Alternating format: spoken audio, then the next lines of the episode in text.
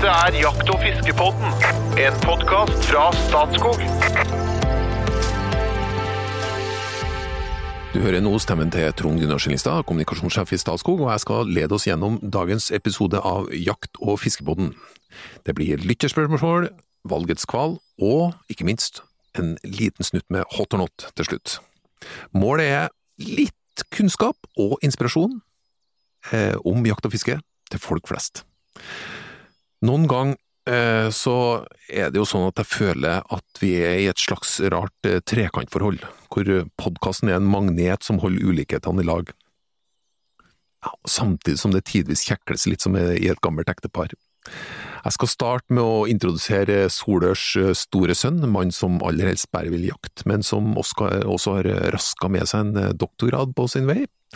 Han har seks konstant fulle frysere med kortreist kjøtt, som en bruker til å fôre den store familien sin på gården.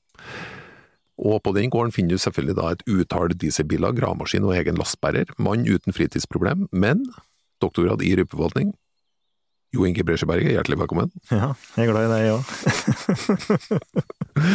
og så over til han som i sin ungdom imponerte med å kaste stein på den amerikanske ambassaden, han fridykka etter perler i Oslofjorden, og eh, tidvis så drog han frem bluesgitaren for å få opp stemninga langs livets landevei, fluefiskeren, livskunstneren, det verbale fyrverkeriet av en informasjonssjef i Norges Jegerfisk. Hjertelig velkommen, Espen Farstad. Tusen takk. Og til dere millioner av lyttere, som har sendt inn spørsmål. Hvis du hører spørsmålet ditt i denne podkasten, da må du kaste deg over tastaturet og så send adresse og eh, størrelse. For da kommer det en meget lukrativ T-skjorte i posten, med en tiur på brøstet. Og det er kanskje ja, en favoritt eh, blant mine makkere her. En særlig en gammel tiur, ikke nødvendigvis å spise, men det er vel fordi at det er en, et intelligent vesen med en, eh, en hjerne på størrelse med en ert, som dere da greier å overvinne. Det er jo en gammel tiur som er på, på T-skjorta, da. Ja, Ja, ordentlig Det er krokant. ikke noe tvil om det. En ordentlig gammel tiur. Men tiur er tiur, altså. Så vi, vi, tar til takke med ungtiurer. Ja, det gjør det. Ja, Ja. ja, vi gjør det. Nei, vi skal faktisk hoppe rett på et lytterspørsmål fra Espen Nybakk. Ditt navn. Ja, ikke sant? Det var derfor jeg Nei da, det var spørsmålet. Jo Inge har flere ganger snakker, snakket om at rypejaktterreng med forbud mot hund er gammeldags forvaltning, og at Statskog heller bruker bag limit. Ok. Ja, det blir, vi, vi, vi skal ta dette suksessivt etter hvert nå. Hvorfor er det da flere fjellstyrer som både har forbud mot hund til jakt og bag limit i tillegg? Og et godt spørsmål her, som vi selvfølgelig, vi tre i studio, vet veldig godt, men hva er sammenhengen mellom Statskog, statsallmenninger og fjellstyrer?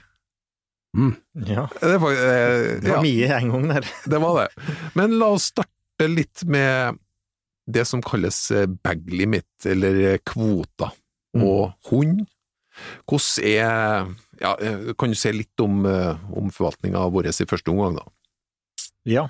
Eh, Så vi skal ikke ta bag limit først, men vi kan ta litt forvaltninga vår. Ja, eller ta Ta Bag limit er jo, det er jo et engelsk ord. Eh, Det stammer fra Amerika. Eh, Brukt, de har jo store statlige arealer som jaktes på. Og for å regulere uttaket der, så bruker de bag limit, altså dagskvoter som vi kaller det på greit norsk. Da. Altså antall fugl eller antall vilt du kan skute per dag, eventuelt antall vilt du kan ha i din your possession, i din eh, i leiren, for eksempel. Ja. Eh, Så ble dette importert fra Amerika over til Norge. Når vi så at eh, rypen hadde en nedadgående bestandstrend, så ble det rop på reguleringer. Det det var ikke bare å høste så mye du ville av arten lenger, så skulle vi ha reguleringer. En, en regulering var da å begrense mye hver jeger skjøt hver dag som bag limit. Og før det så var det i prinsippet å høste mest mulig. Det var jeg sier kærstykket, det er jo både damer og kærer som jakter, men det var regnet liksom som en bragd nærmest, og skutt jo flere ryper du skjøt, jo, jo bedre, ja, Mhm. bedre jeger var du da. Eh, Det har skjedd en holdningsendring, så jeg har gått liksom ifra den, den tradisjonen der med å høste mest mulig på kortest mulig tid, til at eh, du skal begrense uttaket, og at flere skal ha muligheten til å høste noen fugler. Mm. Det er der det kommer ifra. Så viser det seg det at eh, den bag-limiten i all hovedsak er har motsatt effekt av det vi ønsker å oppnå, for du tar ikke å sette den høyt nok i de gode åra, så du begrenser eh, langt flere vanlige jegere, for å si det slik, i de gode åra der det er mange ryper, mens du, det er vanskelig å sette noe lavere enn én i de dårlige åra, når du virkelig trenger den, Mm. når du skal, skal høste få ryper. Det er noe av det mest upopulære, det er å ha en baglimit på én rundt omkring hele verden, på alle fugler du jakter på. Ja. Og da, da kanskje du ikke skulle jakte i det hele tatt, men du setter den på én, og så har du ikke kontroll på mange fugler som blir tatt ut da. Mens i de gode åra så er ikke jakta er ikke det som regulerer det her, har ikke noen eh, innvirkning, og så setter du den på to eller tre eller i skjell i gode år, og så regulerer du skjell, kan regulere vanlige jegere, da. Mm. Så den har litt, litt, litt motsatt effekt av det vi ønsker å oppnå. Og så er det jo det totale uttaket som teller. Er mange ryper som blir felt lokalt, det er jo det som teller. Og da må du jo samtidig at det er mange som går inn. Hvis du bare slipper på mange jegere som helst, som vi gjør da i prinsippet på, på vår statsgrunn i Nord-Norge, så må du fortsatt vite hvor mye den enkelte tar ut, og det kommer det stort sett i etterkant å få vite. Sånn, når rypen er felt, og da er det for sent. Mm. Derfor er ikke det en eh, optimal løsning lenger, da, for å forvalte ryper, syns vi, da. Men ville det ikke ha vært effektivt å satt inn et forbud mot bruk av hund, altså, så, i og med at hunder støvsuger terrenget for det rype? Ja, ikke sant? For det blir jo presentert, det er en myte, da. Men eh, det er jo testet hvem som feller mest, og hundejegere, lokale hundejegere er ofte de som har mest suksess, og som får med seg mest fugler hjem igjen. Mm.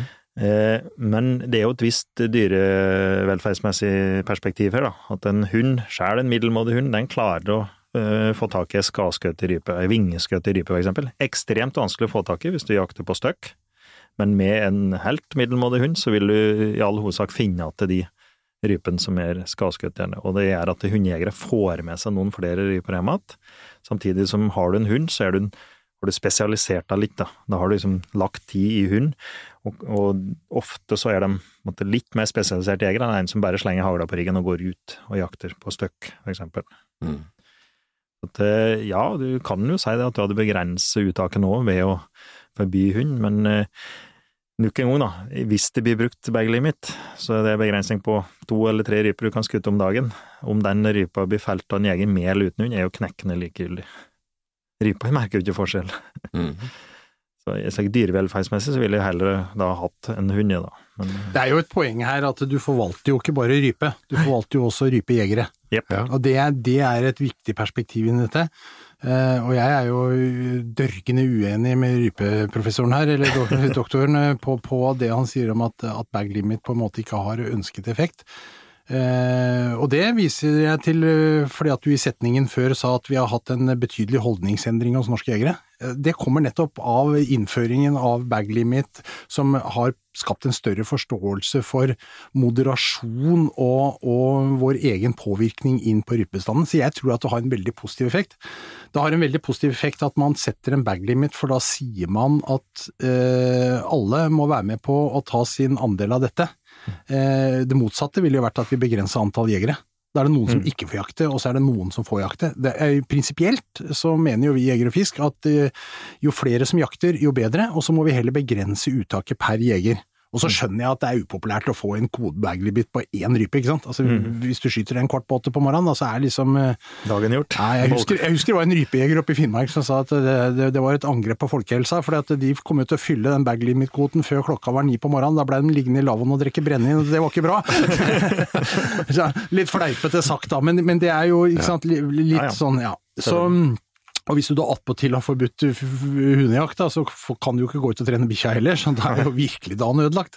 Så jeg syns jo at bag limit har veldig mye for seg, fordi det er et signal fra eh, grunneier om at vi skal forvalte forsvarlig, at vi skal være eh, måteholdne i uttaket, men folk skal få slippe til. Så, så det, er en, det er en god politikk, egentlig, syns jeg. da. Men jeg må spørre deg, Jo Inge, for at jeg, jeg- ble litt usikker nå, for at Statskog har ikke ordinære kvoter.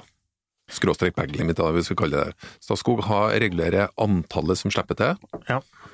men, eh, og eh, en jeger som slipper til, skjøt som regel et relativt lavt antall ryper. Ja. Men eh, også er det Vi satt en så sånn mange vi kan, da. Av etiske sjel så er det satt en maksgrense en overalt. Ja, Ja. det stemmer. Så her brukes jo ikke bag limit, egentlig. Hva er forskjell på en bag limit og en maksfangst? Ja, det kan du si. Dette er jo Dette blir jo Ja, øver- ja. retoriske Øvelse. øvelser, ikke sant? For jegeren så er det ett fett, ikke sant? Men samtidig, ok, så er jeg, på, jeg er rundt omkring i, på statens grunn i Norge. Og en plass så er det nei, bare bruk hund, det spiller ingen rolle. Og noen plasser så er det sånn, nei, innbygg så har fortrinnsrett. En annen plass så er det maksfangst og ikke kvote. Jeg, jeg skjønner ikke, det er jo et virvar på statsgrunn her. Ja, det er Nå jo det. prøver jeg å legge opp til noe her nå. Skjønner det. Ja, Ja. han, jeg jeg syns det er et godt spørsmål. Er, du har statsgrunn, og så har du Statskog, og så har du statsanvending, og så har du fjellstyra. Ja, Ta en liten kort ABC her nå. Ja, man kan jo forvirre noen enhver, akkurat det, da. Eh, Statsgrunn, det er jo det at Statskog er grunneier, har eh, hjemmel til en grunn. At det- vi er grunneiere. Det er på all statsgrunn, som vi prater om her, da. Altså det som vi forvalter, Statskog SF forvalter, og så er det da lokale fjellstyrer på statsallmenning. Det er fortsatt vi grunneier, men det er lokale fjellstyrer, altså innenfor hver kommune, som da eh, bestyrer jakt og fiske. Altså rettigheten Ja. på, på statsallmenning, da, Mm. mm, i den enkelte kommune. Så, så det er liksom skillet der, da. Og, og det lokale fjellstyret, de kan sette da eh, reguleringer på bruk av hund og inn- og utenbygdsboende jegere. Mens vi, vi skiller ikke på om de bruker hund eller ikke, og ikke da inn- og utbyggsboende jegere på småviltjakt. Det er litt ulike regler å forholde seg til. Ja. Mm. Ja, det er det. Og det, det skyldes at det er forskrifter, da. Det er forskrifter som er laga, som da sier hesten jakt og fiske skal, og makspriser og hva slags kort som skal tilbys på statsallmenning, som da er statsgrunn, som Statskog er grunneier, men som da blir forvaltet av det enkelte fjellstyret, og på Statskogs grunner, det som er utenom statsallmenning. Espen Nybakk, hvis du nå ble forvirra på et høyere nivå, så beklager vi det, men håper at, eh, vi håper at vi klargjorde det litt. Men det er et komplisert system, eh, der det er litt ulik forvaltning. Men eh, det er også et, eh, kan være mye bra i litt ulik forvaltning. For å teste ut litt forskjellige ting. Mm. Eh, Er du klar for valgets kval? Ja, ja, men. Ja. Og du, Espen Farstad, skal få lov til å starte i dag. Fint. alltid spise taco til middag, eller aldri røre en fluestang igjen resten av livet? Nei, altså, jeg er, jeg er så sterk motstander av taco, som er noe meksikansk grisemat, at det kommer jeg ikke til å gå inn for. Så du velger bort røk. Ja, men det finnes jo mye annet jeg kan fiske med, da, vet du. Ja. Interessant. Jeg- jeg- Ja, eh, Jo Inge. Ja, det er akkurat det. Det er mye andre rart du kan fiske med. Jeg velger bort uh, fluestange. Altså, du foretrekker å spise Nei, taco? altså etter taco så får jeg fiske med alt annet som er, da. Var ikke det som var greia? Ok. Ja. Ja, det blir elgtaco. eh, Ja, ja, ja. Alltid spise taco, og så ikke noe fluestang. Ja. ja. Ok, da eh, enn eh, aldri mer spise fisk, eller aldri mer spise viltkjøtt. Nei, da ikke spise viltkjøtt. Så du går for fisk? Ja. Ja, da velger jeg bort fisken og tar viltkjøtt. Ja, det ante meg, ja. Ok, uh, tredje, siste. Alltid drikke karsk på fest, eller aldri mer gå på restaurant? Eh, Det er aldri drikke kark på fest, vil jeg. Nei, den, den, den kan jeg lett uh, Hva sa du? Alltid? Alltid drikke karsk på fest? nei, det er ikke tema. Det kommer ikke til å skje. eller aldri mer gå på Nei, restaurant? det er ikke så farlig. Nei, Nei, det er helt riktig. Da tar jeg så går det ikke på karsk, altså? Nei, Nei, ok. Hvor kommer fra dere? vi vil ikke si ifra det. Nei, men folkens, vi skal ta et Den derre karsken. Ja. Dette er jo ikke Det leder jo rett mot limerick igjen, selvfølgelig, fordi at dette går jo på folkehelsa løs. Nydelig. Det kan, det kan jo det. Ja, det kan gjøre det, altså. Psykisk god helse. Ja, jakt, jakt har også konsekvenser for, for folkehelsa, skal du høre. Det var en innfeit eh, trønder fra Lein. En innfeit trønder fra Lein. Du hører? Ja. Ok, jeg tar den på nytt. Det var en innfeit trønder fra Lein. Han var som trøndere flest litt sein. Så ble han hekta på reinsjakt og måtte bære ut reinslaks. Nå er den innfeinte bare skinn og bein. Jeg tror inni der så er du veldig glad i trøndere, Espen. At jeg er en skaptrønder inni meg? Ja, jeg tror det, faktisk. Og når du sitter hjemme oppe på loftet her med bluesgitaren, så, så, tar du på, så tar du på headsetet, og så spiller du trønderrock. Men nå går vi over til et spørsmål. Det er, et, eh, det er fra Einar Nilsen, og han eh, ja, ønsker at vi skal prate litt om beverjakt. Om våren er beverjakta et av de store høydepunktene for mange jegere, inkludert meg selv. Det er lite som overgår å sitte ved en stille elv eller en bekk i sol og følge med på det yrende livet etter en lang vinter. På den annen side har vårjakta på bever vært svært omdiskutert, fordi en er ikke sikker på om når beverhunden føder, og en risikerer å skyte et drektig dyr. Denne usikkerheten gjør at jeg kun skyter ungdyr, siden jeg ikke klarer å skille hund og hanndyr fra hverandre. Har det kommet ny forskning på dette feltet? Hva tenker dere om dette etiske aspektet rundt vårjakt på bever? Først litt sånn, hva, syns dere om beverjakt? På en skala fra én til ti? Høg tier. Ved dere, ja? Jeg har bedrevet det bitte lite grann. Eh, Jeg er enig i innledningen på spørsmålet her. Altså, det er lite som slår å sitte ute om våren og høre svarttrosten synge etter en lang og kald vinter og Det Det er og det er veldig traner, og det er svaner, og det er kvinene. Det, Ja, det er veldig stemningsfullt. Ja, det er det. Ja, Altså. det er det. det, skjer noe. Og du begynner liksom å våkne til liv. Trekkfugler og trosten. Altså, så det er jo Nei, det er sjelebot. Jeg gjør det hvert eneste år. Men er det stor risiko altså, Dere med drektige dyr, Ja, det, det er jo litt av kjernen her, da. Eh, Og han sa at det var en stor og massiv debatt, og det, det har ikke jeg fått med meg at det har vært. Altså at det er en debatt der, det er det. Mhm. Og det forskes på det, det er det. Eh, og vi, det er jo ikke uvanlig at vi høster dyr som da er direkte i en eller annen form. Om det er rådyr eller elg eller hjort, så, så er det helt normalt det, at vi høster de. Men så er det liksom her langt til å komme, da. Og når de da har født, så er det jo vanlig, det er jo ikke vanlig at vi høster på dyr som har født. Det skal vi ikke gjøre. Ikke sant? Så det er Mhm. der spørsmålet står her. Om du, om du tillater jakt på dyr som allerede har født. Og det er klart, når det kommer i sent i april, så skal ikke de her ha født. Eh, ikke noe som tyder på det i den forskningen som har i, men det forskes nå ganske godt på det her i, på Høgskolen i Bø. Eh, og de lurer på da om tidspunktet kan ha forskjøvet seg, eller om det er vært litt tidligere enn det vi har trodd tidligere. ja. Og i mine områder så har vi faktisk utsatt jakt, for det er såpass sein vinter, så at du kan ha 14 dager utsatt jakt, så vi jakter inn i mai. Men jeg har ennå til gode å skutt i bever som da har vært i die, som har født. Hvordan vet du det? Altså, hvis du skuter, Ja, du på hvis du skuter en bever som er direkte, så har den jo fortsatt foster i magen. Det ser du jo. Ja, ja. Og de har jo tross alt spener, da. Så er det, Ja. her, så bio, die, så vil du se spenen, da, at den er dreget. Men det har fortsatt ikke skjedd, at de har opplevd i hvert fall. Og jeg vil med å samle data til det prosjektet som driver og tester det her, da. Mm. Men de har opplevd at de har fått uh, unger midt i mai og, og utover. Mm. Så at øh, du kan risikere ytterste konsekvens det. Men øh, som han sier, da, det er en måte å unngå det på, er å skute små bauere. Og det prøver jeg å holde meg til, da. Bare skute små. Da er Ja. i hvert fall helt trygg. Altså skute produksjon. Eh, Ja, og det ja. Åringer eller, halv, eller toåringer. da. Men er det, er det generelt Syns dere det er et generelt krevende etisk spørsmål å skjøte eh, drektige dyr? Jeg vil ikke ha likt å ha gjort det. Det vil jeg ikke. Men Gjelder det på alle slags dyr?